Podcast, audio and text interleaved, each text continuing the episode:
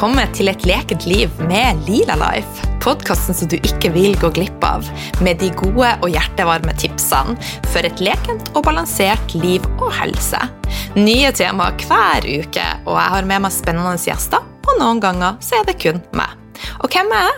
Jeg er Line Holdal. Jeg er ernæringsterapeut, yogalærer, veileder i eteriske oljer og mamma. Jeg har en brennende interesse for en naturlig helse, miljø og dyrevelferd. Og jeg er i over gjennomsnittet nysgjerrig, og mitt mål er å dele mest mulig med deg. Jeg har vært alvorlig syk i mange år, eh, men nå er jeg 44, og livet det smiler.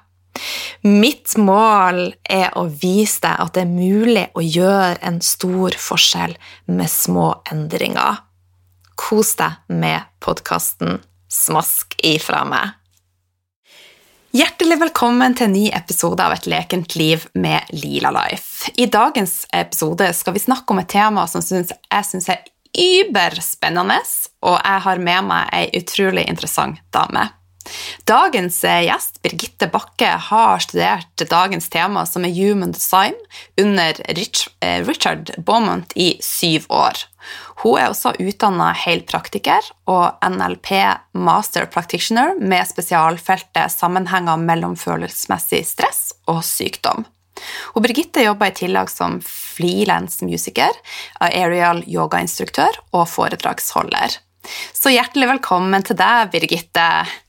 Takk for det. Takk for å få komme aller først, før vi setter i gang med en utrolig Eller det jeg vet kommer til å gi en veldig spennende samtale, så skal jeg lese opp ei tilbakemelding fra en av dere lytterne. Og den er fra hun er Silje Bybb. Eh, jeg vet at det sannsynligvis ikke er navnet ditt, så jeg håper jeg uttalte det der rett. Så fantastisk inspirerende. Tusen takk for en topp podkast med masse nyttig info om ren mat, god helse og mye mer. Anbefales på det varmeste. Så tusen takk for det. Jeg blir veldig glad om du som hører på, legger igjen ei tilbakemelding via iTunes. Jeg har hørt at det er veldig godt for humøret, og ikke minst så når vi ut til flere. Eh, du kan også ta en screenshot av tilbakemeldinga di og sende til meg på mail line at lilalife.no, så sender jeg deg en oppmerksomhet. Så tilbake til dagens eh, hovedgjest og tema. Birgitte, hjertelig velkommen. Takk skal du ha. Du, aller først, jeg er jo supernysgjerrig. Jeg vet ikke om det kommer ifra mitt eh, design, eller, men uansett, jeg er supernysgjerrig. Og hvordan starta du dagen din i dag? Eh, ja, Artig for meg å høre på denne introen din òg, for jeg, jeg, har jo ikke hørt på podkasten din før. Og jeg har vanligvis så har jeg en helt fast frokost. Ja. Som jeg spiser hver eneste dag. Men akkurat i dag så har jeg begynt på en sånn litt sånn rens. Sommerrens. Aha. Så frokosten min i dag var litt annerledes enn den pleier å være. Ja. Så jeg hadde, hadde, meg en shake ja. med noe avokado, banan og litt sånn supergreens-pulver i. Ah. Litt mandelmelk. Deilig.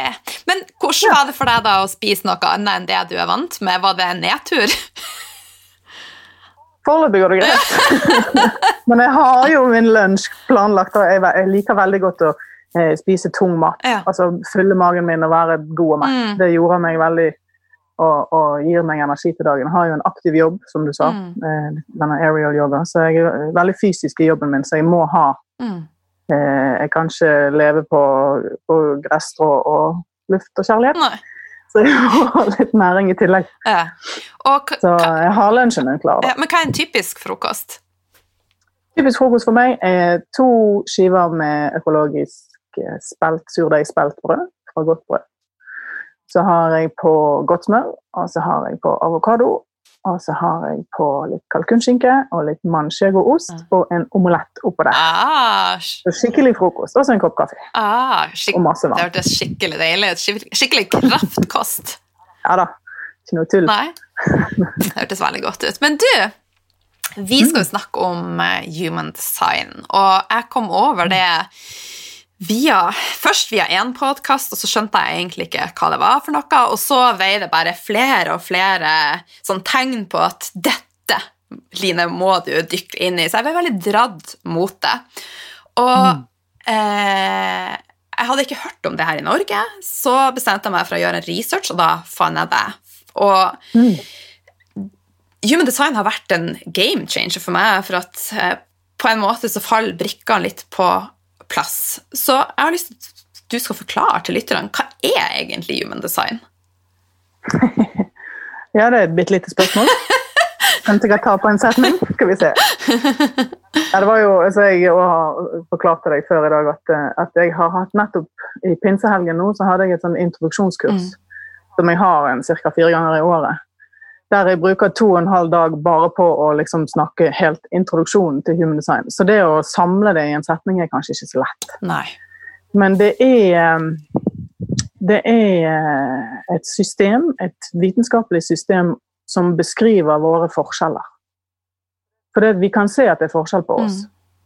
Men uh, vi ble også opplært til, uh, i hvert fall vi som har vokst opp i Norge, denne barnesangen med 'Inni er vi like'. Ja. Um, så det, her kommer det et system som veldig detaljert og mekanisk, umoralsk og logisk kan beskrive livet og hva som foregår mm. i deg og når du møter andre. Mm. Så da faller tingene litt på plass ofte. For meg gjorde det, og det var virkelig game changer for meg òg. Akkurat i disse dager er det vel tolv år siden jeg hadde min første lesning. Mm. Litt lengre siden at jeg kom inn i det. Jeg hører om det, da. Mm. Så, så, det har vært eh, Det er noen briller som jeg ikke kan ta av. Altså, jeg, jeg kan aldri ikke se verden på denne måten lenger. Nei. Um, fordi det, For meg er det helt klar sannhet. Altså det, det, viser meg hva som foregår inni meg, og det viser meg hva som foregår i de rundt meg. Og jeg kan da også respektere disse forskjellene. Hvis det er noen andre rundt meg som ikke er som meg. For det er jo ofte det vi, vi går ut ifra når vi treffer folk. Så er det liksom at ja, men de tenker sånn som jeg gjør, eller de fungerer sånn som jeg gjør. Og det gjør de jo ikke. Så, um, så det har virkelig vært en sånn øyeåpner til hva som faktisk er Istedenfor eh, denne drømmen om det er så mye av disse spirituelle eh, retningene som, som, trekker i deg med en Å, hvis du bare gjør sånn og sånn, ja. så blir alt bra. Ja. Mens dette har, dette systemet, human design-systemet er ikke moralsk. Og det har ikke eh, ikke, ikke, ikke følg det som jeg sier. Men eh, jeg prøver å, å, få folk til å vite om dette, her, sånn at de kan finne ut hvordan de sjøl kan ta sine egne avgjørelser. For det er det Human Design kan by på, mm. rent praktisk. Mm. er det som kalles uh, strategi og autoritet. Altså at du får en måte du kan ta avgjørelser på som du kan stole på. Ja. For deg sjøl. At du tar dine egne avgjørelser. For det, det, er avgjørelsene dine som bringer deg rundt omkring i verden. og ja fra det ene til det andre. Så, Men du, det med, det, det med strategi eh, Jeg så litt på det i dag, og min strategi er jo at du skal eh, Det står 'wait to respond'. Vente på respons, ja. Og det er litt rart for meg, men samtidig også logisk. Ja, og Samtidig så beskrev du det i introen her.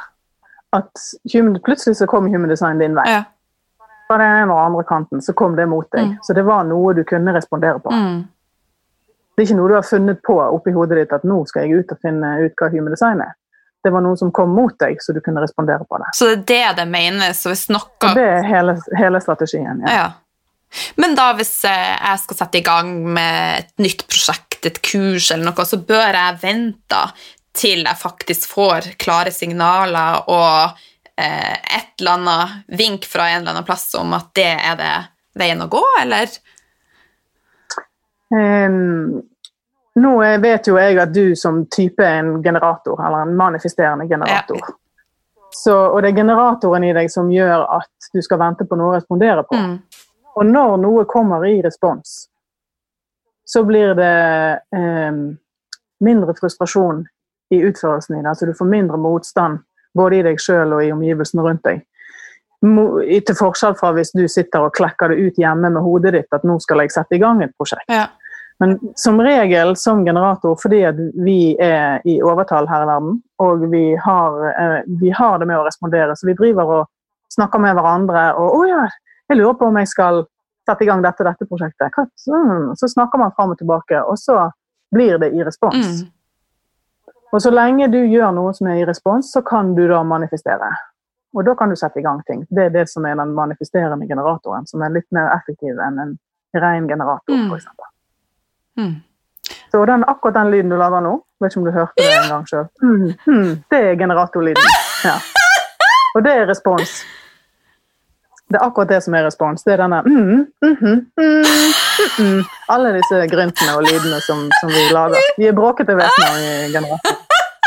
Nå får jeg latterkrampe!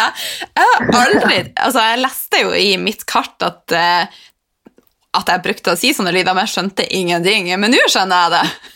Du lager det hele tiden, men du registrerer det ikke, for det er ikke hodet ditt som lager lyden. Nei, for jeg har jo også tenkt når jeg Det er ikke mange episoder jeg hører med meg sjøl eh, etter jeg har spilt det inn. Noen ganger så må jeg det. Men hver gang så tenker jeg å, det kommer veldig mye lyder ut av meg. Kan jeg ikke ja. klappe igjen? Men der har vi forklaringa. Ja, det er, det er uh, mer verdt å vende oppmerksomheten din på hva sier den lyden. Ja. For den lyden har enormt med informasjon i seg. Enormt ja. nyansert uh, informasjon i seg. Jeg har jo nå i tolv år drevet og hørt på disse lydene rundt omkring meg. Så, ja. Så hvis jeg får noen på besøk for eksempel, som jeg vet er en generator, og jeg spør har du lyst på en kopp te, så kan jeg høre mm, ja takk. Da får ikke de en kopp te hos meg. Og det ble aldri noe spørsmål om hvor var denne koppen med te som vi snakket om her i sted. Mens derimot, hvis det kommer en generator inn og jeg spør har du lyst på en kopp te, og han sier mm, jeg har egentlig nettopp drukket, så nei takk, ja. så får han en kopp te likevel. Fordi at i lyden har sagt jeg vil ha. Ja. Så, så, utrolig. Så det er mye gull, mye gull, i den lyden, så du skal bare høre på noen, ja. høre på noen episoder om igjen og høre hva du hva du responderer på. Ja. Men du, Hvordan kom du over human design? Og Du sier jo at det har vært en game changer for deg. men Kan du forklare litt mer hvordan det har vært med å forandre og forme livet ditt? Ja, akkurat min historie er jo litt spesiell der. Men, ehm, men eh, jeg, kom, jeg husker jeg kom bort til det Det var i forbindelse med, med en av disse utdannelsene som jeg holdt på med i forbindelse med følelsesmessig stress og sykdom. Da vi var i München på en sånn legekonferanse. Og i den settingen så var det noen som visste om human design, som vi begynte å leke med det. Mm. Og så husker jeg òg helt med en gang at jeg, jeg, jeg, eh, jeg havnet i samme som du, sant, manifesterende generator. Jeg havnet i den kategorien som det var flest av. Mm i verden. Så jeg var litt sånn skuffet med en gang. Det var jo ikke noe gøy. Det var jo ikke noe spesiell i det hele tatt. Eh, jeg har lært, lært, meg til noe annet i løpet av de neste ti årene. Men, eh, men, så det kom inn via utdannelsen, en annen utdannelse, da, at, no, at noen visste om det. Og så begynte vi å ja, Så var det òg selvfølgelig i min litt sånn søken på eh, å skulle bli bedre. For jeg sleit litt med energiproblematikk mm. på den tiden. Og så eh, fant jeg òg Richard Beaumont. Mm. Og bestilte meg en lesning eh, fra han. Og det er, var rundt bursdagstidene mine, og det er på disse tider, så det er ganske nøyaktig tolv år siden jeg fikk den. Og så har jeg da i ettertid eh, kollapset fullstendig, fordi jeg har feilbrukt all denne energien som ligger i denne grafen min. Så har jeg feilbrukt hele den energien opp igjennom. Så kroppen min sa stopp. Og spesielt etter jeg møtte på Human Design og fikk en måte å ta riktige avgjørelser på, så sa kroppen min fullstendig stopp, så jeg ble liggende lam i noen måneder. Wow. Og sjuk i mange, mange år etterpå det. Han tilbrakt ca. seks-syv år i, i, ganske i ro i en seng. Og tenkt mye. Men det har også gitt meg en litt unik mulighet fordi jeg ikke var i det faste, vante, travle livet mitt. Så ga det meg en mulighet til å la den mm -hmm, få lov til å avgjøre mine, mm. mine ja, ta, ta, At det var det som var avgjørelsene mine. Sånn at jeg har sakte, men sikkert klart å bygge meg opp igjen. Eh, energimessig og muskelmessig hadde muskelproblematikk. Eh, ved hjelp av denne strategien og autoriteten min. Sånn at eh, det har lært meg å si nei til det som er nei. Og, da, og, og at jeg bare gjør det jeg vil gjøre. Altså jeg gjør bare det jeg har lyst til å gjøre eh, som igjen gir meg energi. Mm. For det er òg generatormagien er at hvis du holder på med noe du elsker, så, så er ikke det jobb. Det bare gir deg mer energi. Mens jeg hadde holdt på eh, fram til det eh, å, å, å, jobbe på plikt. jobbet for andre og jobbet på plikt. jobb, Selv om det var for meg sjøl, så var det på en måte altså Jeg var min egen sjef, men det var fremdeles å jobbe på plikt for andre. Så jeg utarmet hele den energien som ligger i, i, i denne her eh, generatorkraften. Så, så, det var liksom Jeg fikk hele greien i veldig store bokstaver. Og så fikk det veldig tydelig vist for meg, da. Og så var det òg noe akkurat i, i, den første lesningen min, det var også Richard Beaumont, og det var over nett. Og så var det noe som skjedde når han satt og så på grafen min som gjorde at han hadde lyst til å treffe meg. Sånn at uh, han kom jo òg til Norge og, og, var med på et kurs som jeg arrangerte. Og så møttes vi, da, og siden har jo vi vært ganske Vi er veldig gode venner, så det er solid vennskap der som har blitt bygget seg i årevis. Men jeg hadde da en eh, en som, som, så dette her, og som hadde vært inni dette lenge, som kunne vise meg, så jeg kunne snakke med hver dag, og som kunne guide meg til er du sikker på det? Er du sikker på det? Og der jeg fikk lov til å bli kjent med min respons. Fordi det, det, jeg er veldig skarpt, skarpt hode, og ja, som du har lest i begynnelsen her, jeg kommer fra NLP-bakgrunn, NLP så jeg var jo veldig kjapt inne med at eh, jeg skal, jeg skal, klare å finne en måte å gjøre denne her om transformasjonen min litt raskere. Mm. Eh, men jeg har fått litt respekt for tid, altså. Må si det. Ja. Og, og, veldig respekt for denne sakralen, selv om man ikke er bevisst. Altså Sakralen er dette senteret som gjør meg til en generator, som gjør deg til en generator. Mm. Eh, og det har jeg fått veldig respekt for. Eh, selv om det ikke er et bevisst senter, så er det noe jeg kan stole på. Men dette... Og det er ikke det, jeg, bommer, jeg bommer jo fremdeles, men det er i hvert fall veldig tydelig med en gang. Ja. Hvis jeg har tatt en avgjørelse med hodet mitt, så er det ganske tydelig Får jeg den motstanden ganske fort. Altså. Mm. Men de her systemene det er jo basert på sjakra og litt forskjellige ting. Kan du fortelle litt om det? Hele systemet er en, en uh, syntese. altså Det er satt sammen fra flere forskjellige gammel esoterisk viten og nyere uh, vitenskap. Så er det en herlig miks av det, og ut av dette så kommer det noe mer igjen enn de enkeltstående systemene. Så det er disse sentrene som jeg snakker om, er, kommer fra Hindu Brahmin, det liksom yogiske systemet som snakker om chakra. Men vi, i Human Design så snakker ikke vi om syv chakra, men om ni sentre. Mm. At vi er eh, i utvikling, menneskearten, altså Homo sapiens, er i utvikling hele veien. Og i Human Design så blir vi nå kalt, i den fasen som vi er nå, så er vi kalt uh, Homo sapiens in transitus. Altså at vi er i en overgang mot å skulle bli noe annet. Så det er um, relativt nytt sånn evolusjonsmessig, det var på slutten av 1700-tallet, at, at, disse sentrene gikk To av disse sentrene delte seg, sånn at vi er nå ni, sentrede vesener. Mm. Og så har du forbindelsen mellom disse sentrene som i Human Design vi kaller for kanaler. De stammer fra den jødiske kabbala, Sefi-roten i kabbala. Jeg kan veldig lite om, om dette, men det er der det er hentet fra, disse kanalene. Mm. Og i hver av disse kanalene så har de en port i hver ende. Eh, og hvis du har én port, så har du bare den porten. Hvis du har begge portene i hver ende, så får du da hele kanalen og begge sentrene i hver ende, og så lyser det opp med livsenergi som flyter i denne kanalen. Um, og disse portene henger sammen med den kinesiske um, Det heter vel Book of Changes, tror jeg, altså Forandringenes bok, I Ching som har disse heksagrammene. og Det er 64 heksagram. Eh, og det er 64 porter i Human Design, og alt dette tilsvarer disse 64 genetiske kodene som vi går rundt med som mennesker. Så det er litt sånn grovt, eh, grovt eh, det det er satt sammen fra, da. Så systemet er binært, altså yin-yang. Og det er ikke moralsk. Så det er ikke noe tolkning inni bildet her. Um, astrologi er også en av elementene som, som, er inni dette systemet her. Men i en astrologisk uh, utregning så bruker du fødselstidspunktet. Mm. Og i en human design-utregning så bruker du to utregninger. Det er fødselstidspunktet og plasseringen til stjernene som er ca. tre måneder før fødsel. Altså 88 grader av solens plassering. Solens reise. Så um, når vi Hvis folk liksom 'Å ja, kan du se på meg?' Og hvis ikke folk vet akkurat når de er født, så venter jeg til de har funnet ut når de er født. Mm. For denne synsingen blir så irrelevant. Ja. Så jeg vil gjerne ha vite, helst vite nøyaktigst mulig tidspunkt. Mm.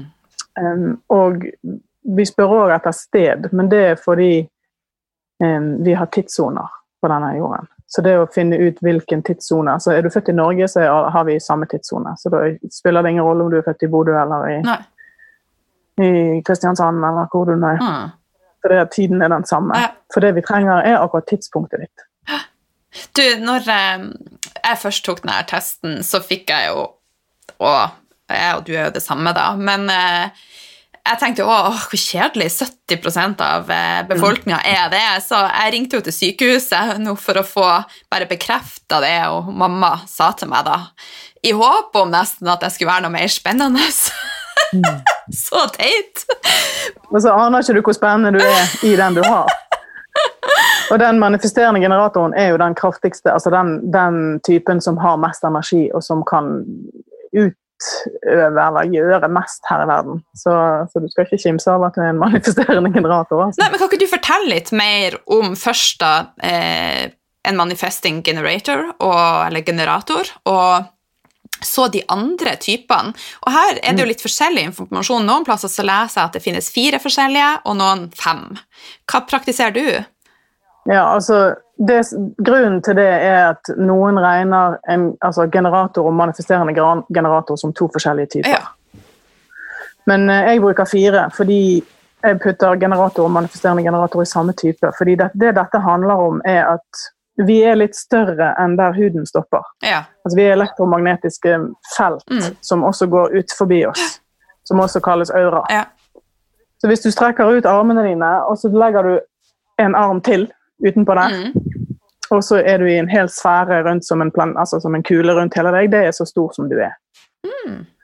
Um, det vil si, akkurat meg og deg er litt større, for vi har en superboosted øre, men det kommer fra noe annet. Det, men det kan jo være vi som liker, hadde lyst til å være spesielle i starten, kan få lov å være spesielle på den.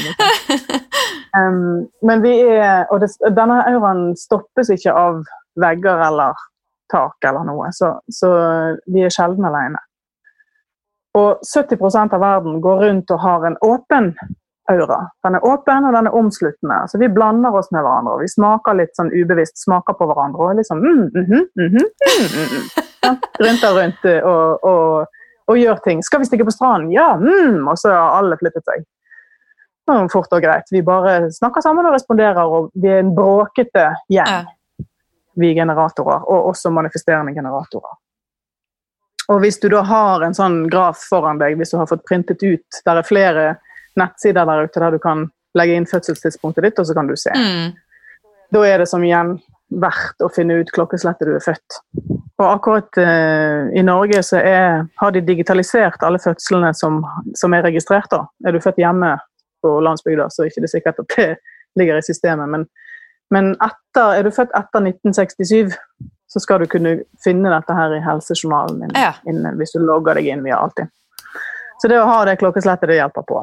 Og Hvis du da får lagt inn, og så får du lastet ned en sånn her graf, så ser du det er sånn trekant, og så har du ni sentre inni der, og så noen kryss og tvers-kanaler som går. Og så står det tall på siden. En rad med svarte tall og en rad med røde tall.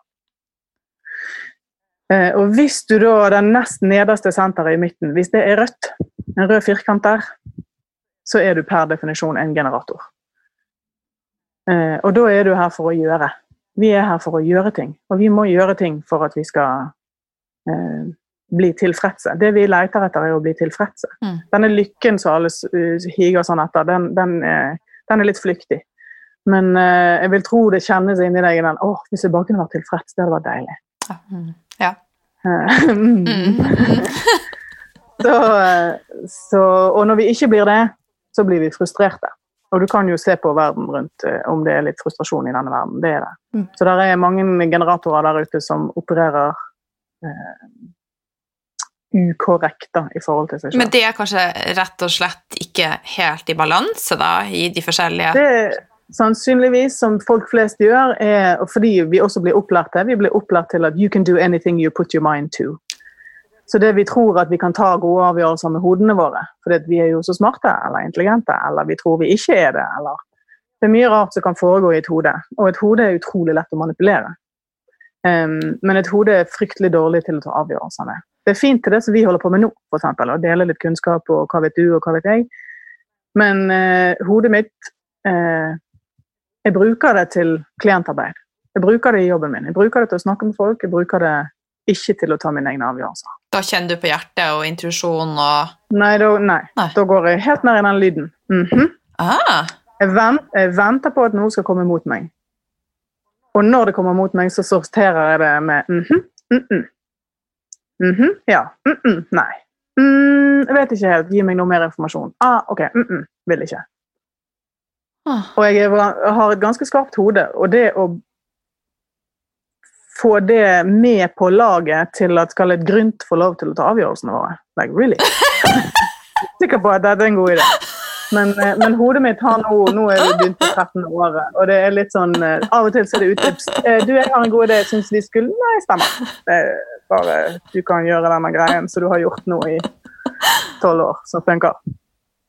Så som det at folk er frustrert der ute, er nok fordi de prøver å skape et liv med hodet sitt. Mm.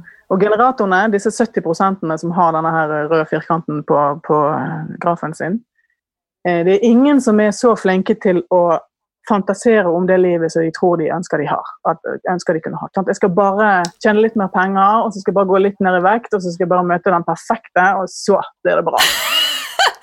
Men det er noe med å forholde seg til det som faktisk er i livet ditt, og hvordan ja, ja, kom det inn i livet mitt, og er det interessant at det er der. Så kan det hende at det faller vekk en del ting som Ja, men vi må jo Må ikke vi det, da? Eh, så det kan hende det faller litt vekk etter hvert. Så det er ikke nødvendigvis en enkel, eh, enkel affære å skulle begynne å følge sin strategi og autoritet, men eh, du lærer like mye av å ikke gjøre det. Du lærer like mye av neste gang du tar en mental avgjørelse. Mm så kommer den motstanden og den frustrasjonen. Mm. Og så ah, Vent litt, det var jo det hun sa, hun der. Mm. Og så neste gang jeg Vent litt. Har jeg respondert på dette? er jo første bud. Men så det er 70 av verden. Men du, eh, bare før du går videre, det gryntet, eh, eller de ja. lydene, de kommer jo fra vår underbevissthet på en eller annen måte. De kommer fra eh, rent fysisk bekkenområdet ditt. Ja. Altså det kommer fra det sakrale senteret. Ja. Mm, det er en dyp en. Og etter hvert nå, jeg som har vært borti dette såpass lenge, jeg, jeg klarer å høre om en mm kommer fra sakralen, eller om han kommer fra et annet sted i kroppen. Mm. Og alle disse andre typene, det er tre andre typer her nå som ikke har denne mekanikken gående. Eh, men de har gjerne lært seg til det. Å, nå, nå, er det min tur, nå må jeg si mm. Ja. Så kommer det fra et helt annet sted. Ah. Eh, men det er, det er, nyanser som jeg har, eh, jeg har studert på ganske lenge. Men det er helt fascinerende jeg kan ha hele samtaler uten ord. Mm -hmm. mm, mm, mm, Til og med vits. Det var en gang jeg fikk latterkick faktisk bare på grynt. fram og tilbake, så det, kom en, det kom en vits inni der med et grynt. Så, så, du, skal bare, du skal bare begynne å vende oppmerksomheten din hvis du er en generator, så vend oppmerksomheten din på disse lydene. Og jeg hadde, apropos min første lesning med Richard Bowman, så satt han og ventet på at jeg skulle lage den lyden. Da var jeg veldig klar over at jeg lagde alle disse lydene, og, vil, og det var opptak. Sant? Jeg vil ikke ha disse lydene på opptak. Alle, alt dette bråket mitt. Så jeg satt helt sånn bevisst med hodet mitt og holdt igjen alle disse lydene. Helt til han sa jeg har gått og ventet på at du skulle lage disse lydene, men nå må jeg si det. Og så bare knakk jeg i latter, fordi ok, jeg har bevisst holdt kjeft faktisk gjennom, gjennom disse timene. Ja. Så jeg hadde fått med meg at jeg lagde lyder, men jeg dømte de. Dømte de vekk. Litt akkurat sånn som du gjorde i sted. Sånn, å gud, ja, lager jeg de lydene? Men det er, det er generatoren. Ja. Lager disse lydene. Og har du generator barn, så hører du det der òg. Ja. Uh, Nå skal vi gå på tur, lille venn. Uh, en sakral som ikke har lyst til det, mm. for eksempel. Så um, masse, masse informasjon i de lydene der. Men, da... Men, hva er da Det var som du spurte meg, eh, siden jeg har en tendens til å skravle meg vekk. Så er det disse andre typene. Ja. For det er jo noe annet der ute også. Og ca. 20% av befolkningen, befolkningen, er noe som heter prosjektor. Og de har en veldig annerledes oppbygd aura. Um, de har en aura som fokuserer på en annen og absorberer den andre. Så de er helt prisgitt hvem de er rundt. De er veldig var på energier uh, i menneskene. Energi, Det kan være steder og, og mennesker. De, de, de, kan godt se, Mange av prosjektene ser energi. De kan se responsen mellom mennesker. Um, hvis ikke de vet hva de er, så kan de bli helt uh, utslitt av å prøve å gjøre like mye som vi generatorer gjør. Mm. Som jeg nevnte, Hvis vi har denne røde, røde firkanten, så, så vi trives med å få lov til å gjøre. Vi er nødt til å bruke opp energien vår eh, før vi får sove godt. Mens disse prosjektorene er, er, ikke energityper. De er her for å guide energi. De er her for å være vis på energibruk. Eh, og, og, og, på en måte guide den i andre på invitasjon. I og med at de har denne auraen som kan fokusere og absorbere. at de, de kobler seg på brystbeinet til et annet menneske. Og det er mm, pen penetrasjon. En aur, aurisk penetrasjon. Så de kommer inn. Det er ganske intime greier, egentlig. Og hvis de kommer inn på den måten og har lyst til å flytte rundt på tingene i deg uten at det er invitert, så blir vi invadert og irritert. Og du vil nok kjenne igjen at du har kanskje noen rundt deg som er, du kan se på som energityver, eller 'Å, de er så irriterende, de skal alltid plukke på meg', eller mm kan være litt sånne ting. Mens de er utrolig verdifulle, for verden trenger guidance. De er her for å guide. De er bygget for å være én-til-én. Og de er her for å vite hvem den andre er. Vi generatorer er her for å lære hvem vi er. Mi, mi, mi, mi, mi. Veldig sånn Det kan hende ja, du er verdifull for meg, men det er fordi jeg får noe ut av det. Mens for prosjektoren så dreier det seg om å få en invitasjon. For det første bli sett, anerkjent og sett for den de er. Og så få en invitasjon til å hjelpe eller bidra, eller få en invitasjon til det de skal gjøre. For da får de eh, tilgang på energien til den de skal få guide. Og så kan de virkelig flytte på fjellet. Altså den auraen er utrolig innflytelsesrik. Det er derfor vi blir så irritert hvis han ikke er invitert. Fordi at er, vi blir så påvirket av det. Men hvis han er invitert, så er det ingenting som kan snu oss eller hjelpe oss eller flytte oss på samme måten som en prosjektor gjør. Så det er veldig viktig at prosjektoren vet hva de er, og at de holder seg eh, for god for å skulle blande seg inn før den invitasjonen er der. For der vi generatorer har lyst på denne tilfredsheten, så leter nei, prosjektoren etter suksess. Og suksessen er du inviterer meg til å hjelpe deg, jeg viser deg hvordan du kan gjøre dette bedre eller mer effektivt eller på en bedre måte. Og så får du suksess, og jeg får anerkjennelsen tilbake altså prosjektoren tar anerkjennelsen tilbake. Mm. Det funker for dem. Det er helt supert for dem. Så vi er gruppevesener, vi er generatorer, men det er ikke prosjektorene. De er litt sånn, Kanskje vi være én til én, eller litt færre grupper. For Hvis de sitter for i et middagsselskap der det er ti-tolv stykker, så vet ikke den auraen hvem skal jeg fokusere på. Nå snakker du, og nå snakker du, og det blir slitsomt for dem. Så blir de kjempeutslitt, og så kommer de hjem, og så får ikke de sove. Fordi at uh, busser inni dem. Så, så, de må gå vekk fra oss andre mennesker litt tidlig, før de blir sliten, hvis de skal få god søvn f.eks. Så hvis de går vekk og lar denne her sakrale energien få lov til å renne ut av dem, fordi at de ikke er bygget for å gjøre, gjøre hele tiden, de er bygget for å være. Mm. For å livsnyte og for å komme inn, jobbe litt, tilbake igjen, hvile. Hvile, hvile, hvile. Viktig for de å hvile, og få lov til å hvile. Så en åtte timers arbeidsdag, det er ikke Nei, også, og, og, i, og, i, morgen òg. Liksom hver dag. Hele uken. Jeg var jo på jobb i går. Liksom. De, de, skjønner ikke helt denne oh, igjen. Så type prosjektarbeid det passer jo fint til, tittelen på typen òg. Inn og jobbe kort ved å guide et eller annet. Vise med sin ekspertise. De, for det er gull verdt å få, få meningen til en prosjektor så lenge han er invitert. For de ser virkelig verden på en annen måte. Inn, jobbe, ut hvile. Eller inn guide ut hvile. Så de eh, De trenger å hvile, virkelig. Og de trenger å være alene innimellom. Hvis de er lenge alene, så kan de føle at ja, men nå, nå jeg må ut igjen og få litt livsenergi. Okay. For det er det som ligger i denne, dette sakrale senteret som vi generatorer har, det er livskraft, livsenergi. Og Det er det som drar livet mot oss, sånn at vi har noe å respondere på. Mens det er åpent hos prosjektoren. Mm. Så de har ikke egen tilgang på livskraft og livsenergi. Så det, de er helt prisgitt den som er rundt dem. Men eh, jeg tenker sånn som jeg som er manifester-generator, eh, kjenner meg jo igjen i veldig mye av de andre også. Eh, er det normalt?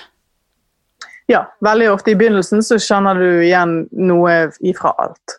Men du, men du, har, altså, du har en åpen og omsluttende aura, som er noe helt annet enn å ha en fokuserende aura. Du har et par åpne sentre som gjør at du plukker opp andre. Mm men ikke i det hele tatt på samme måten som en prosjektor gjør. Eh, mennesker kan være giftig for en prosjektor.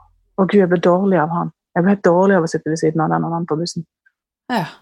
Altså, de, de, er pri, de, er prisgitt den de er rundt. Og hva de har vokst opp med. og ja.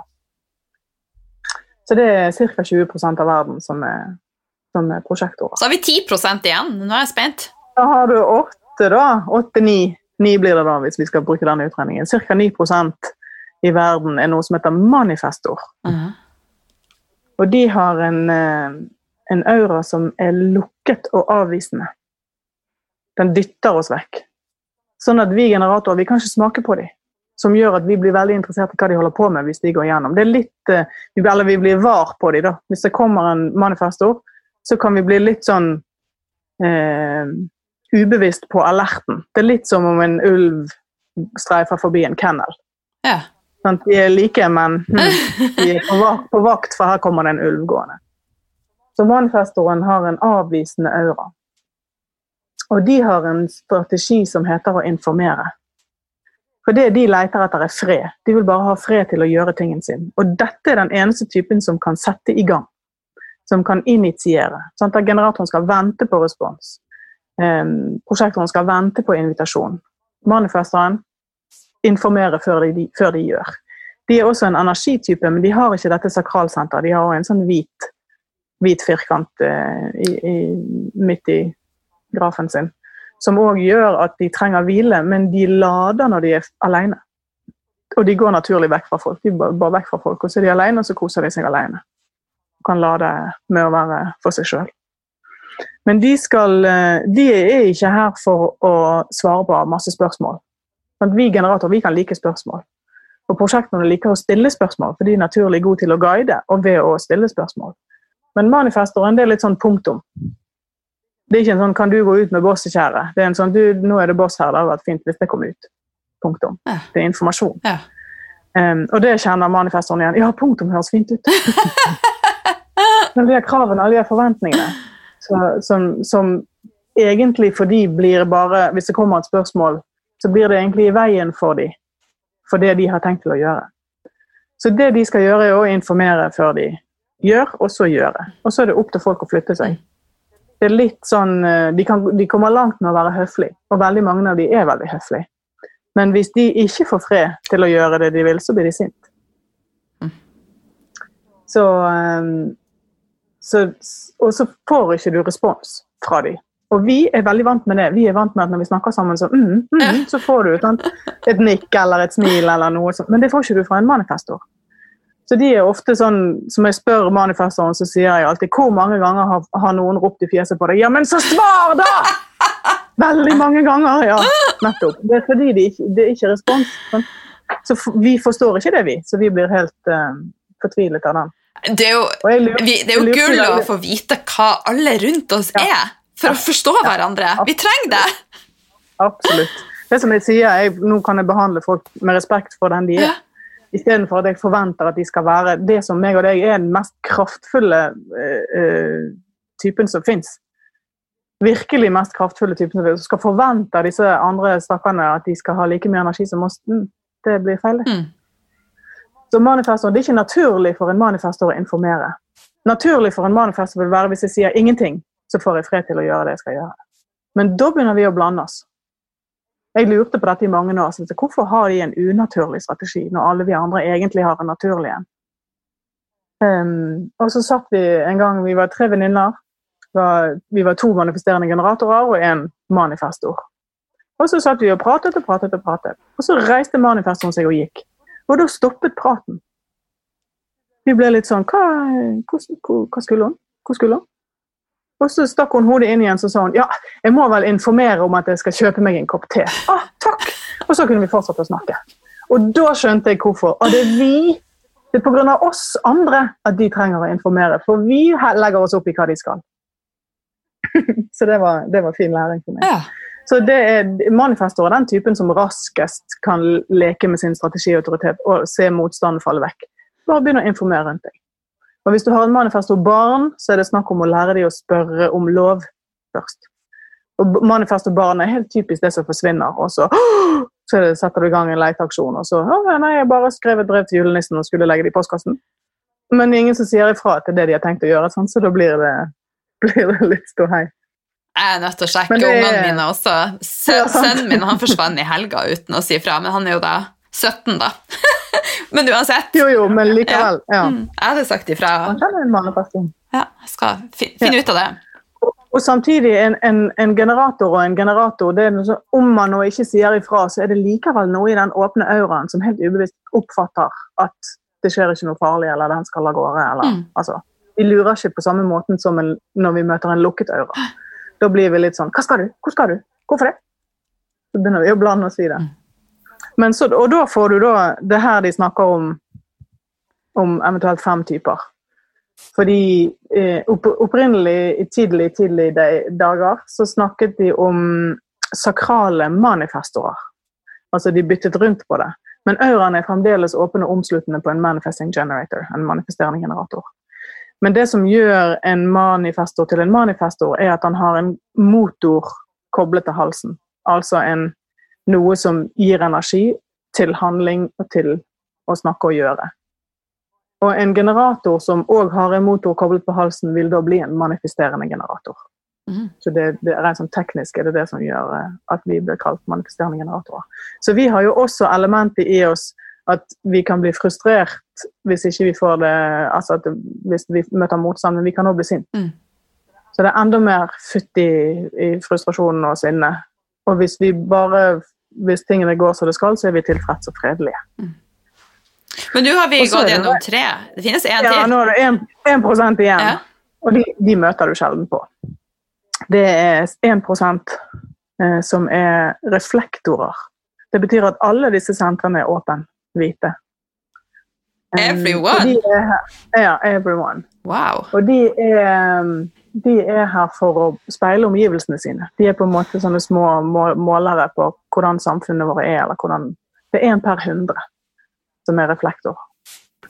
Og de er um, veldig annerledes. Vi andre tre typene vi er soltyper. altså Vi er, vi er veldig påvirket av solen. Mens, mens uh, reflektorene er månevesener. De henger veldig tett sammen med månen. Og månen er det himmellegemet som beveger seg fortest.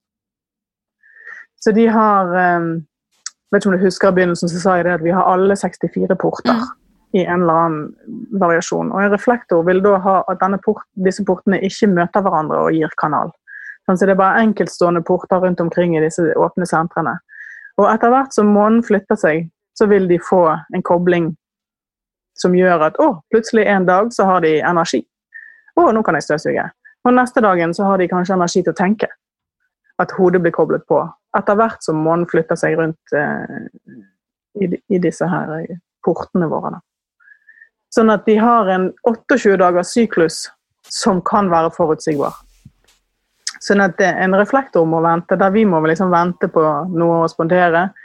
Eh, prosjektoren skal vente på invitasjon, manifestoren skal informere rundt seg. Så skal reflektoren da vente en månedssyklus og snakke litt med de rundt seg for å høre hva de sjøl sier om den avgjørelsen de må ta. Mm. Og det høres jo i begynnelsen så høres det veldig lenge ut med å vente Gud, må de vente 28 dager før de tar en avgjørelse? Men for um, For um, alle, alle, typene bortsett fra reflektoren og kan ha et solarplexus-senter. Jeg vet at du òg har et solarplexus-senter definert. Som er liksom ute til høyre, en trekant ute til høyre i, i, grafen, men i kroppen så sitter det der solapleksus er, altså rett under uh, ribbekassen. Mm inni der så det kiler litt når du kjører berg-og-dal-bane. Um, og det senteret trenger tid. Og for noen da å skulle ta en klar avgjørelse med et definert solapleksus-senter, det kan ta årevis, det. Så da er plutselig 28 dager ikke så lenge likevel. Nei. Men reflektoren må vente 28 dager før han tar en avgjørelse. Og de leter etter overraskelsen. Altså De leter etter de folkene som stikker seg ut i samfunnet rundt seg. Og hvis ikke de finner noe som overrasker dem, så blir de skuffet. Hm. Men de det er ikke mange av de rundt omkring, altså. Én per hundre. Men de har en aura som er litt som en sånn teflon-aura. Den prøver litt, prøver å smake litt på de rundt seg, og så slipper han det igjen. Så den, de er veldig beskyttet av denne øren sin. Jeg har hatt en gang av alle de, nå har ikke tall på hvor mange kurs jeg har holdt, men av alle de kursene jeg har holdt, så én gang hadde jeg en reflektor med. Eh, hun var en 19 år gammel jente da på den tiden. Og hun var litt sånn eh, Ja, jeg vet jo dette her, men kan du fortelle det til foreldrene mine? så det var liksom det Omgivelsene mine trenger å vite hva jeg er. Det var, det var hennes svar på det. Men de, de speiler altså de folkene som er rundt seg, og omgivelsene sine. Så hvis en reflektor ikke har det bra, så eh, kan det å flytte være et hett tips. Altså finne et annet sted. Mm. Andre folk rundt seg. Men nå har vi gått gjennom alle disse mm. typene, og vi ser jo at vi er totalt forskjellige. Og likevel, mm. så, i dagens samfunn, så prøver vi å dytte alle inn i samme bås, og alle skal være sånn A4-spirrevipper det er jo ikke rart at vi får ME og vi sengeliggende, og det krasjer totalt. Det er ikke rart i det hele tatt. Nei. Vi prøver alle å være manifestorer. Ja. Men uh, det, det, er opp til de å være det. ja. Så får resten av oss passe på å være oss sjøl. Det det fine egentlig med human design, er at du på en måte får tillatelse til å være deg sjøl. I human design så er det et begrep som heter 'not self'. Jeg har jo jobbet i mange år på å prøve å oversette dette til norsk. Uh, og akkurat Not Self uh, Jeg lekte sånn med om vi skulle eie meg, hva vi skulle kalle det for. Men jeg har valgt å bare kalle det for Not Self, for det er et helt eget, uh, et eget begrep som bare finnes i human design. Ja. Så da kan det, jeg tenker Not Self det kan det bare hete også på norsk. Men det er i, i hovedsak så er Not Self er når du lar hodet ditt ta avgjørelser. For du kan ha Not Self om du nå har et definert senter eller et åpent senter. Men det som skriker høyest, det er de åpne sentrene. Så hvis du da går inn og, og laster ned denne her grafen din etter du har hørt på dette her og lurer på du har, hvordan du ser ut på denne grafen, så vil det som har farge, det som har definisjon, det er det som du skinner ut. Det er det som du pumper ut i omgivelsene rundt deg. Det som er hvitt og åpent, det er der du tar inn livet. Det er der det kan få lov til å komme inn i deg, og, og du kan få smake alle mulige forskjellige nyanser av det. Og der du har åpenhet, det tar du inn, og du forsterker det. Og du forvrenger det. Så det roper høyest. Og det er ikke deg. Sant? Det som er hvitt og åpent, det er ikke deg. Men hodet ditt vil veldig gjerne, og vi skulle, bare, vi skulle hatt sånn. Eh, og så løper man ut og prøver å ta en avgjørelse for å skulle være noe man ikke er. Mm. Så det Human Design gir deg, er på en måte lov. Det gir deg lov, tillatelse til å være den du er. Så, så egentlig er jo det for barn, da. Altså, Vi har jo rotet oss vekk for lenge siden, vi voksne. Og må bruke sant, syv år, syv, åtte, ni år for å finne tilbake igjen til oss sjøl. Men jeg tenker jeg er så glad for at jeg har brukt de årene og faktisk kommet ja. hit jeg er i dag. Altså Hvis ikke så hadde jeg jo fortsatt sittet og vært totalt ja. Og jeg er veldig glad på vegne av min sønn. Og han var ganske liten kom, når Human kom inn i min verden. sånn at han har fått lov til å være seg sjøl hele veien. Og han er noe veldig annerledes enn meg. Ja. Så jeg ville nok, med beste intensjoner, så ville jeg ha klart å få min sønn til å tro at han var helt dum. Ved at jeg, moren hans hadde fortalt det til han hele tiden. Men han har en annen prosess enn det jeg har. Han har en prosess som er å prøve og feile. Min prosess er å, at jeg ser tingene Jeg ser hvordan det blir. Jeg skjønner det at hvis du drar i den ledningen litt for hardt, så ryker han. Men han skjønner ikke det før han har prøvd det. Ah, der røk han. Ok, neste gang ny prosess. Så det er å prøve og feile. Så han har en helt annen prosess enn meg. Så jeg er veldig glad for, for hans vegne da, at jeg var klar over disse tingene. her. Sånn at han uh, faktisk får lov til å prøve og feile. Og nå er han såpass stor at nå vet han at det er prosessen.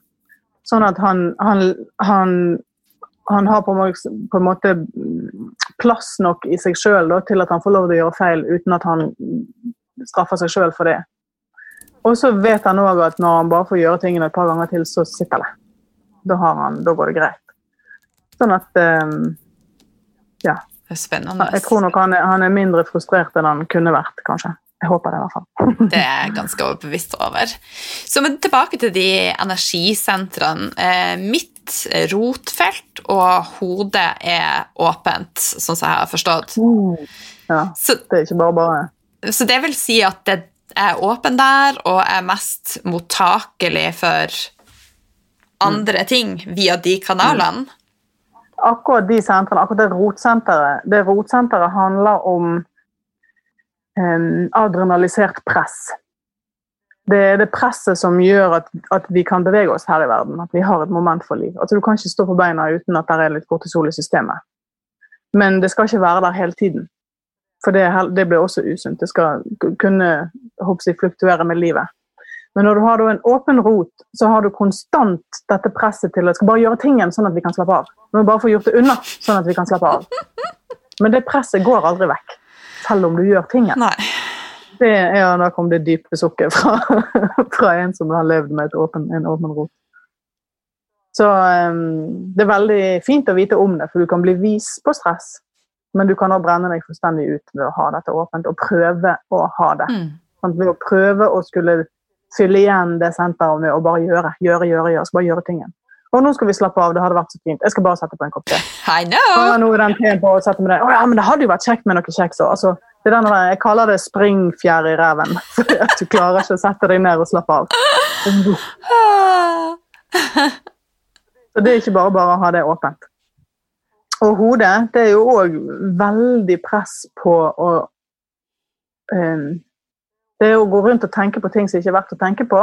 Og det å, å overbevise deg sjøl og alle andre om hvor sikker du er. Se alt jeg kan. Ja, nå ser jeg for eksempel, vi sitter og ser på video, så ser jeg en bokhylle baki der. Det er sånn klassisk åpent. Se alle bøkene jeg har, se hvor mye jeg kan. Ja, Men ser du også at jeg har, eh, jeg har eh, kategorisert veldig, i farger? Veldig struktur, eh, både farger og størrelse. Og det, det var nydelig. OCD-en har fått utløp her, det er bra. Men det å ha et åpent, uh, åpent hode og et åpent Arsenal-senter, altså de to, to øverste sentrene, um, det betyr òg at du, det du tar inn, er tankefeltet og bevissthetsfeltet som ligger rundt der ute. Det er ikke engang dine egne tanker. Og så Hvis du da skal begynne å tenke på at du tar dine egne avgjørelser med hodet, engang, altså det er ikke engang dine egne tanker, du tar egentlig andre sine avgjørelser, så begynner det å bli, da begynner du å rote deg vekk fra det som er faktisk er livet ditt. Jeg har um, Begge de sentrene du har åpent, har jeg definert. Jeg har begge, både hodet og Arsen har begge disse sentrene i hodet definert. Det er, er ca. 30% av verden som har det. Og jeg har lekt med det med å stå i kø på butikken, f.eks. Og så kan jeg velge meg ut en japp, eksempel, og så kan jeg tenke veldig intenst på den jappen. Og det er nesten alltid en eller annen som går ut og plukker med seg den jappen. Wow. Og da begynner det å bli spennende. Og jeg har vært med mange ganger på folk spør noe. Og så kan jeg høre rett etter de har spurt det, så bare Gud, det har jeg aldri tenkt på. Mm, nei, det har jeg tenkt på mye. Så vet jeg de har bare plukket opp mine tanker, og så er det det som kommer ut av deres munn. Og, og, de tror at det er sin tanke. På grunn av at du har definert hodet? Jeg har det definert, ja. Så den, så det, den egenskapen har ikke jeg, da? Jo, du har en egenskap til å kunne tenke på alle mulige forskjellige måter. Jeg vil tro du har mange forskjellige mennesker innom denne podkasten din som inspirerer deg på forskjellig måte. Mm. Ja. Mens jeg har min faste, låste måte å tenke på. For det er det definisjonen er. Det er det du kan eh, pålitelig Altså det er pålitelig gjennom hele livet. Det som er farget hos deg. Mens det som er åpent, det endrer seg. Så derfor har jeg Jeg har jo et bredt utvalg av forskjellige gjester. Eh, ja. Ja, så det er forklaringa, rett og slett. Og så har du, du, du har også, Det har jeg lurt på mange ganger. Hvordan er det å ha et åpent hode? Sånn.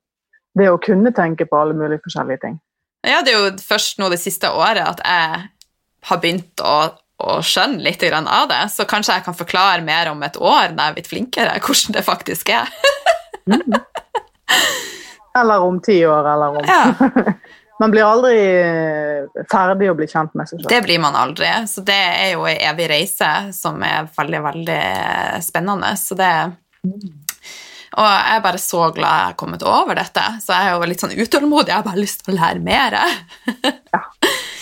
Men eh, altså, for eh, hvordan skal jeg si det? Altså, veldig mye nordmenn er jo sånn at vi tror på det som vi kan se og ta på, og som er vitenskapelig bevisst. Hvordan skal vi kunne forklare dette til eh, Kanskje ikke vi klarer det, men jeg er i hvert fall blitt mer og mer overbevist om at altså, body, mind, spirit altså Alt henger sammen. Ja, ja. ja absolutt. Og, og um, sånn som Human Design forklarer det så altså, Hvis du ser eh, det som du kan se og ta på og på en måte måle i verden, mm. eller i universet for den saks skyld, det er bare 10% av massen i universet. Så hva er resten? Hva er tomrommene og det som foregår imellom, mellom her? Og der var Human Design var tidlig ute. Ra, han er grunnleggeren her. Ra Uruhu. Ra Uruhu. Vet ikke hvordan, hva språket skal ta det på. Men uh, han kom og fortalte da at det er neutrinoer, altså subatomære partikler som har masse, men det er så smått at, uh, at det, er mindre enn atomer. Og disse neutrinoene de kan reise nesten like raskt som, uh, som lys. Og det går gjennom planeter, det går gjennom oss, og det har med seg informasjon, og det tar opp informasjon. Så hvis du tenker deg at en hvit bil og en svart bil krasjer, så kommer det litt hvitt på den svarte bilen og litt svart på den hvite bilen. Sånn at disse her, og Det er derfor vi skal ha fødselstidspunktet ditt. For det at Idet du er et frittstående menneske, født, og det spiller ingen rolle hvordan du er født, om du er født på termin, om du er tatt med tang, eller om du er klippet ut, eller om du kom baklengs, eller om du skreik eller ingen, det spiller ingen rolle. I det øyeblikket du som kropp er frittstående ute i denne verden, så poff får du dette her stjernestempelet. da. Dette neutrino-stempelet. Og det er det som gir deg liksom definisjonen din som du kan stole på resten av livet. Um, og så reiser disse neutrino de går gjennom oss og plukker oss opp og tar det med videre til den neste. Sånn at vi påvirker hverandre på den måten. Og vi blir påvirket av hva som foregår på jorden. Og vi, blir, vi lar oss informere, og vi, lar, og vi deler informasjon. Dette er helt ubevisst, for det er disse neutrinoene som reiser. Og når Raw begynte å snakke om dette her tidlig på 90-tallet, så var det ikke kjent. Neutrinoer var ikke kjent. Sånn at eh, han ble litt ledd av i, den, i, det vitenskapelige miljøet. Men nå vet jeg ikke hvor mange nobelpriser som er delt ut på arbeidet om neutrino, og at neutrino har masse. Og de har eh, eh, flere sånne neutrino-laboratorium der de prøver å Eh, bremse disse neutrinoene nok gjennom den eh, Nå husker jeg ikke i farten om det er arktisk eller antarktiske isen. Men de må ha mye is for å klare å bremse dem, så de kan faktisk ta bilder av dem. Mm. Så, eh, så, det er masse de, de, oppdager stadig forskjellige neutrinoer som, som de da eh, kan, kan ta bilde av. Så det blir litt sånn svevende i et øyeblikk, men sant, eh,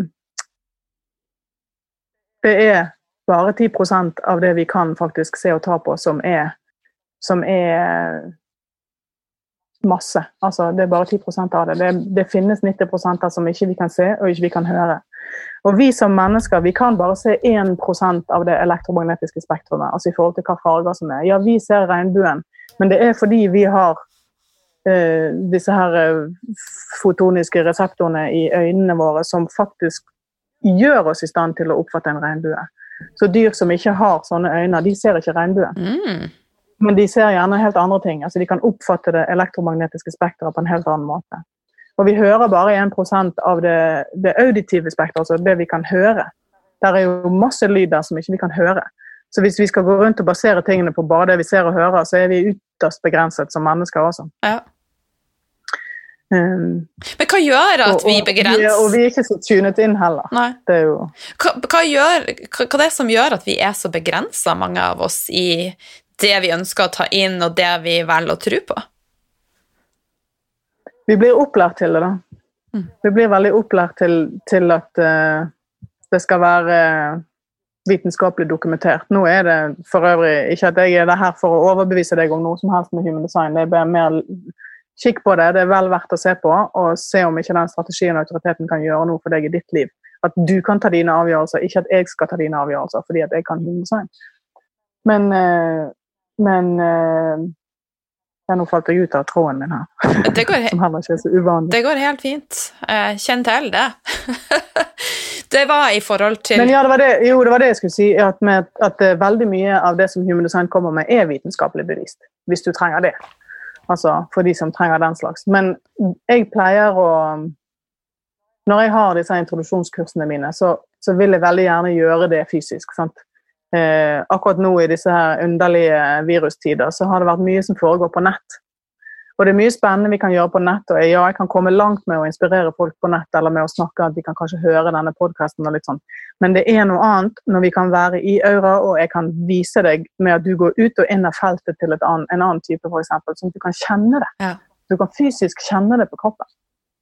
Så spennende. Og det er alt ettersom hva, hva, altså hvordan din personlige graf ser ut, så vil det være forskjellige ting du kan legge merke til på forskjellige måter. Mm. Og å sitte med Richard Beaumont, som vi har snakket om før her, som har vært min hovedlærer eh, sånn Jeg har vært inne i systemet i Nå begynner jeg på 13. året. Men jeg, jeg sluttet å respondere på å skulle studere det mer. Så Derfor har jeg bare i gåsehudene studert det i syv år. Men Det betyr jo ikke at jeg slutter å se det. Men jeg, går, jeg er ikke en som går veldig i dybden på det. Men jeg er bygget for å, å dele det jeg kan til mange mennesker. Mm. Det er min, mitt design. Mm. Så, så, jeg har ikke liksom Jeg er ikke den som kan fortelle deg helt i, i, ned i nitty-gritty detalj. Det, Men jeg kan gi deg de store trekkene. Og der tror jeg også jeg liker de store trekkene. Jeg er ikke en, ikke en nerd. Det kan vi jo se. Du har, du har en del førstelinjer i deg, men eh, ikke så mye at Altså, i, i, de store trekkene så Vi har jo samme profil, mm. eller lignende profil, som jo er rollemodeller. Vi er rollemodeller, og vi, vi er naturlig flinke på ting. Og har en naturlig måte å dele tingene på. Ikke fordi at vi har gått helt ned og sjekket fundamentet, men fordi vi får en automatisk forståelse når noe kommer. Ja. Mm. Om vi liker det eller ei. Ja. Ja, nei, Automatisk så får jeg bare en trang til å dele ting, og det, etter jeg begynte med det, så har brikkene falt mer på plass. Og et eksempel er jo Hadde jeg valgt å f.eks. ikke ha podkast, så hadde jeg sannsynligvis tjent veldig mye mer penger. Eh, men likevel så er trangen så sterk til å dele at jeg i fjor brukte mellom 100 og 200 000 på å lage podkast og tjente ingen penger. men var du tilfreds? Ja. Ga det deg energi? Ja. Så det er jo det. Jeg har, blitt, jeg har blitt veldig mye mer bevisst på at penger gjør meg nødvendigvis ikke glad. Det er jo ikke det som er driven min. Driven min er å gjøre en forskjell. Ja, mm. ja det, det, er litt der jeg har. Jeg har altså Jeg er ikke nødvendigvis motivert av penger. Nei. Eh, Tvert imot så kan jeg Jeg har hørt meg sjøl, som jeg òg eh, du sa i introen her, at jeg, eh, jeg spiller et litt spesielt instrument som heter hang. Eh, og det er ikke så mange som spiller det. Sånn at eh, det, der er jo en måte jeg kan tjene penger på. Men der er jeg ganske kjapp å prute meg sjøl ned. Fordi, ja, ja, Som jo er òg tåpelig på sin egen måte, men det kan du også se i grafen min, at det er typisk meg å gjøre det. Men, eh, men for meg er det Det skal gi noe før jeg Altså, det skal bety noe for både meg og for de jeg deler det med hvis jeg, hvis jeg, skal være motivert for å gjøre det. Mm. Så um, jeg kan si nei til mange penger, jeg. Ja. Hvis, ikke jeg har, hvis det er en mm -mm, så, så, kan de ti millionene få ryke, de. Det er greit, ja. Men du, du, har jo prata mye om Richard, og så han som er grunnleggeren, som jeg ikke husker navnet på. Men hvem er dine største inspiratorer? Det er nok Raw. Ja. Altså Helt klart. Det er han som er grunnleggeren her. Um, jeg har hørt veldig mye på han. Jeg liker å høre det fra kilden. Mm. Og han er, han er, veldig klar. Det er tydelig og klart. Og det er helt genialt måten han beskriver det på. Og han eh, skrev aldri noen bøker eller noe, han bare stilte opp. Han, eh, han var en manifestor. Eh, så han informerte at nå kommer jeg og snakker om dette. Og så snakket han en time, og så har folk tatt det opp, og så har de da transkribert det han har sagt. Um, så det all, mesteparten av det liksom skrevne materialet rundt omkring er transkribering av det han har sagt. Og han snakket i 25 år uten manuskript mm. om de samme tingene, og det bare er mer kjøtt på, på skjelettet hele veien. Så hvordan den mannen har klart å, å, få ut denne viten som han hadde, den er, det er fascinerende, faktisk. Ja. Uh, og han, han, har helt klart vært den største inspirasjonskilden for meg når det gjelder å, å, å, forstå systemet. Når det gjelder å kunne følge min strategiautoritet, så har det vært Richard. Fordi at vi hadde vi er et såpass tett vennskap, og vi hadde så ofte kontakt at jeg kunne få hjelp av han. Fordi at hodet mitt dro meg vekk hele tiden. Hele tiden dro meg vekk i disse her åpne sentrene som jeg har. Så han kunne han bare ja, bare slapp av med det, du har ingenting å bevise, f.eks., som er en del av min, min not self-strategi. Mm. Så, så, um, så, begge de to har vært veldig viktige. Men da Richard... For, altså, bare som et sånn eksempel på hvor viktig det har vært. Så når Ra døde, han døde vel i 2011, så påvirket det meg mer enn mine egne besteforeldre når de har dødd. Ja. Altså, det traff meg mye dypere. Det var bare sånn Jeg var ikke klar for at han skulle dø. Så, så, virkelig en mann som har påvirket, uh, påvirket mitt liv. Mm. Men for de som er nysgjerrig nå, er han Richard den kilden du vil anbefale å ty til? Det spørs uh, hvem du er. For Richard er også ikke bygget for å være så veldig logisk og, og rett fram. Han er en, en, enorm historie, litt sånn kaotisk historieforteller.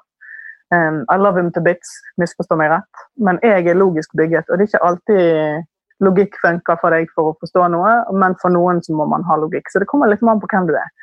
Og det er hvis den, du responderer Sånn som Ra, for eksempel. Han er en type som du enten liker eller ikke liker.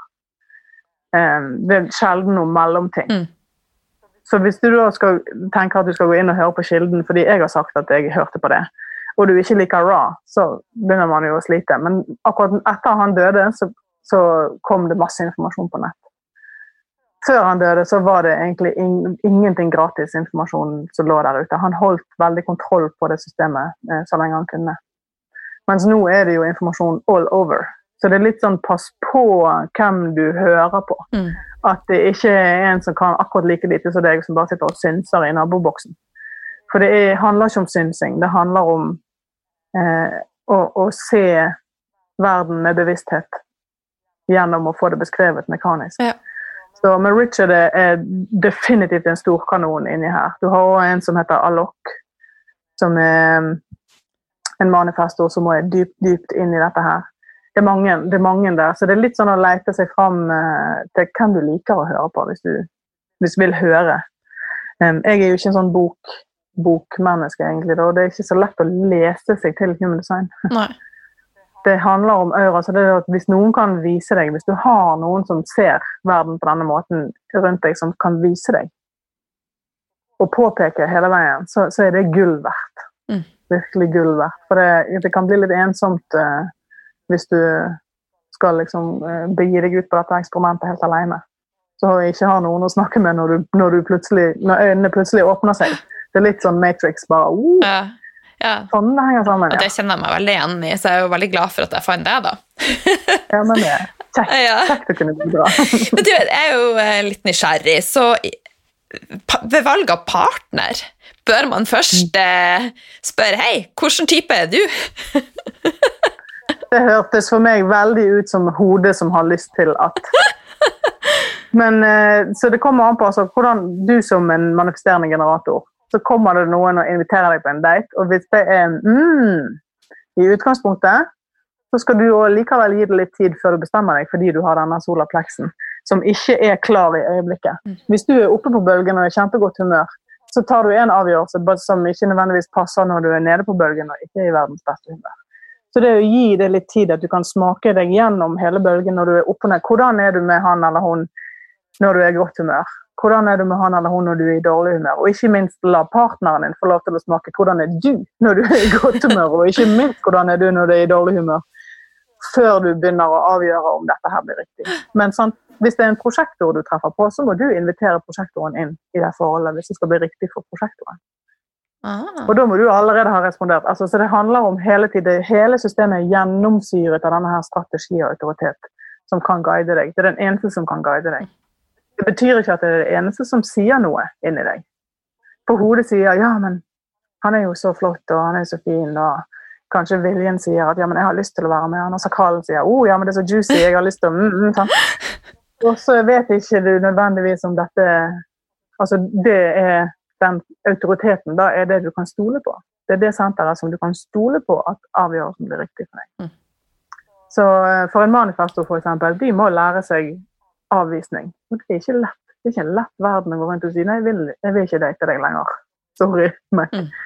sånn det så det er en manifestor sin svøpe å faktisk være den som informerer. Mm. Men de må også være den som da går opp og sier hei, har du lyst til å gå på date? Sånn. Eh, om det nå er en kvinne eller en mann. Sant? Vi har jo disse litt sånn kjønnsforskjeller som vi blir opplært til at sant? Du, mannen skal ta initiativet. Så hvis du da står og er en kvinnelig manifestor, så kan du vente lenge før noe skjer.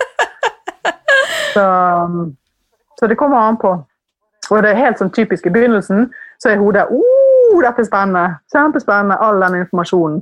Og jeg kan sikkert jeg husker I begynnelsen så skulle jeg treffe på en eller annen fyr som skulle være med på et kurs. så bare fikk jeg, fordi at jeg samlet inn grafene til kurs, Og så så jeg der Å, han blir sikkert spennende å treffe. Ja. Hodet mitt var veldig klart.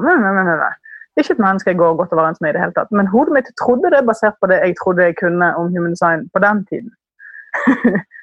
så, um, så det, alt handler om denne strategien og autoriteten. Hvordan har du kommet inn i hvordan har du kommet inn i forholdet ditt? Hvordan har du kommet inn i jobben din? Hvordan eh, havnet du i det huset du bor i? Altså alle disse tingene som blir eh, spennende å se på etter hvert. For eh, det er ikke alltid at det blir eh, riktig for en, det som man har trodd. Nei. Ha, dette er jo, vi må, vi må, møtes en senere gang. Jeg ser tida bare flyr. Vi har prata godt over en time. Har, har du, ei, du, har sagt nå at du er ikke spesielt glad i å lese, men har du ei bok som du vil anbefale til lytterne, som du tenker kan være en fin start?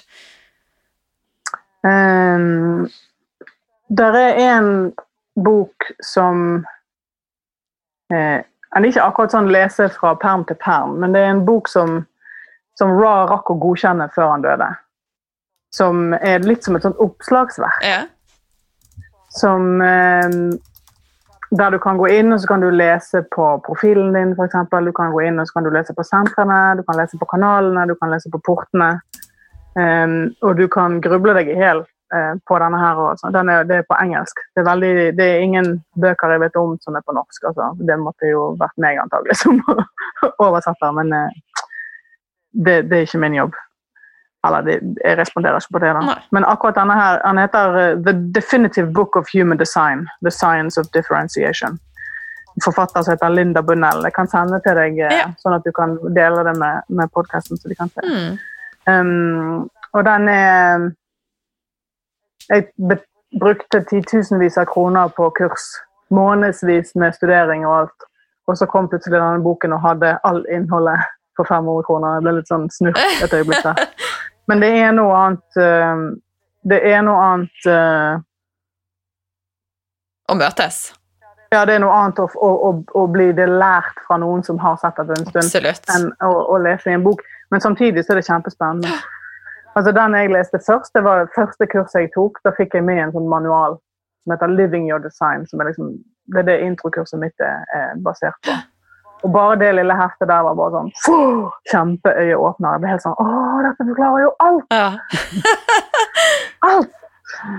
Så, um, så der, er altså, der, er mange bøker. Jeg er ikke noe bok, bokmenneske. Og så er det noe som er skrevet basert på det Ra sa. Han skrev ikke bøker sjøl. Og så er det noe som andre typer og andre har har, uh, har skrevet òg. Så, så, det er litt sånn smak, smak og behag. Eh, kanskje manualer kan være interessant. Altså, mm. Disse her kursene som, som, ligger rundt omkring på nett, så kan du bestille disse manualene òg, og der, det kan være gull. Mm. Så vi venter. Richard holder på å skrive bok, men vi venter på den. Så, så ja. Um, der, du finner nok mer informasjon på nett i form av videoer og, uh, og den slags enn du gjør i bøker, tror jeg. Men akkurat denne her Definitive Book of Human Design den, eh, den, pleier jeg å anbefale hvis du kommer litt inn i systemet og begynner å se på folk rundt deg og se på grafer, og sånt, for da kan du slå opp. Mm. Spennende. Mm. Du, Før vi runder av, er det noe du vil tilføye som jeg har glemt å spørre deg om? Mm.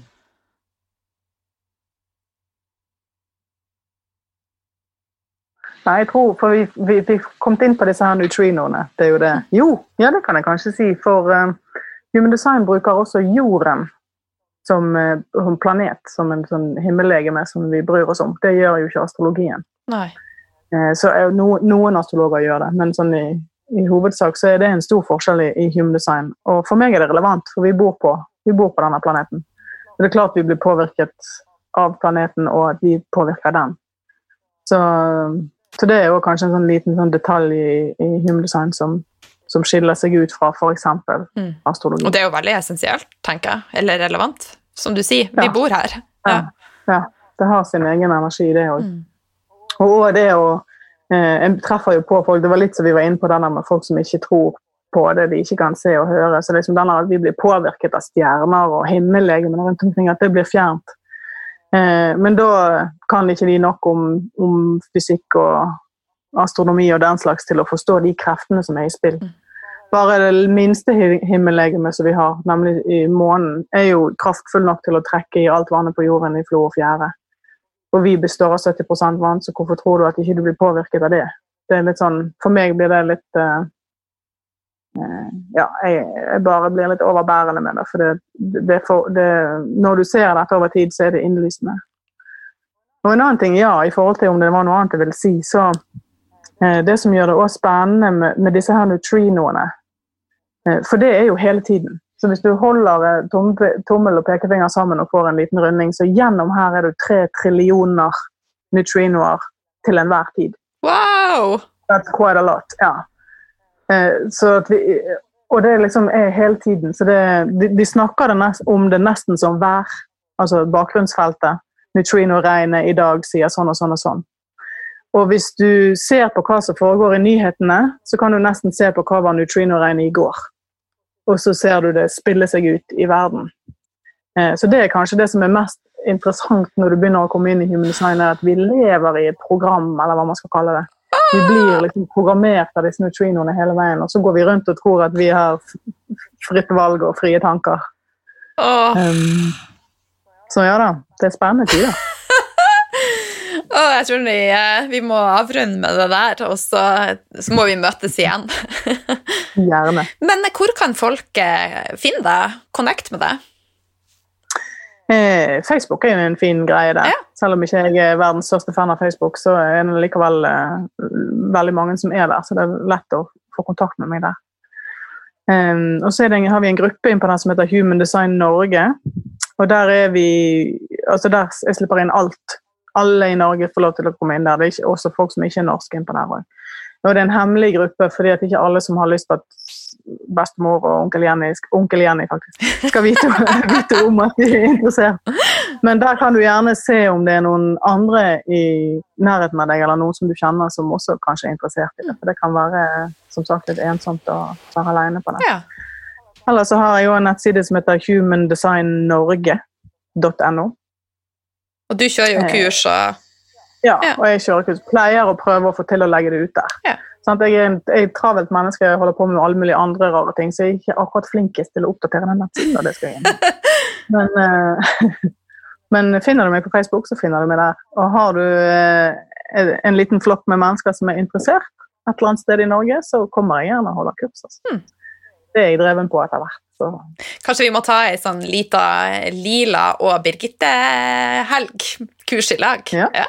Det, det hadde vært veldig hyggelig. Så lyttere, hvis dere er interessert, bare send meg en mail, og så plutselig så finner vi på noe kult. Yes. Når... Ja, det er òg fint. Hvis de vet hvor du er, så finner jo du meg igjen også. Ja.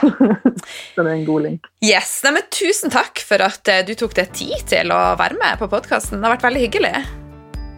Ja, det er kjekt. Det er kjekt å få lov å skravle i hunden ja, takk, takk.